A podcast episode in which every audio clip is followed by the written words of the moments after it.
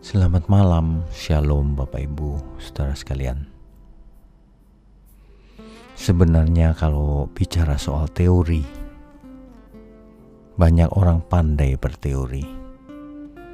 Pandai berkhotbah, pandai bicara soal Tuhan. Tapi teori tetaplah teori. Yang terpenting bukanlah teori itu sendiri. Yang terpenting adalah ketika apa yang dimengerti oleh seseorang, apa yang dipercaya oleh seseorang, mengubah hidupnya. Jadi, perubahan hidup itu bukan hanya perubahan kebiasaan, tetapi dimulai dari perubahan pola pikir, sehingga ia akan menggerakkan hidupnya sesuai dengan pengertiannya itu. Hal ini sangat berbeda dengan orang yang hanya berteori.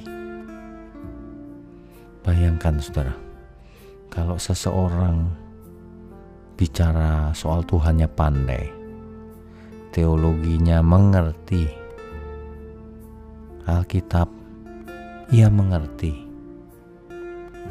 tetapi fakta hidupnya berlawanan dengan apa yang ia mengerti. Ini manusia yang mengerikan sebenarnya.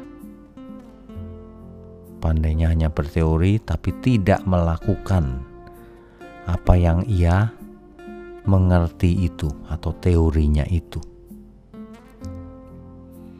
Itulah sebabnya kebenaran itu bukan teori saja. Justru kebenaran itu adalah perbuatan. Sebab perbuatan seseorang menggambarkan apa yang ada di dalamnya, apa yang ada di pikirannya, apa yang ada di hatinya. Itulah yang asli. Sebab kalau hanya keluar lewat mulut itu bisa direkayasa. Tetapi kalau perbuatan hidupnya itu tidak bisa direkayasa. Seandainya bisa direkayasa juga dalam keadaan sekali dua kali saja. Tapi ia tidak bisa berpura-pura terus. Oleh sebab itu, Bapak Ibu, saudara sekalian yang yang saya kasihi, Mari kita tidak hanya belajar firman sebagai teori saja, tetapi hendaklah kita melakukannya dalam seluruh hidup kita. Memang tidak mudah,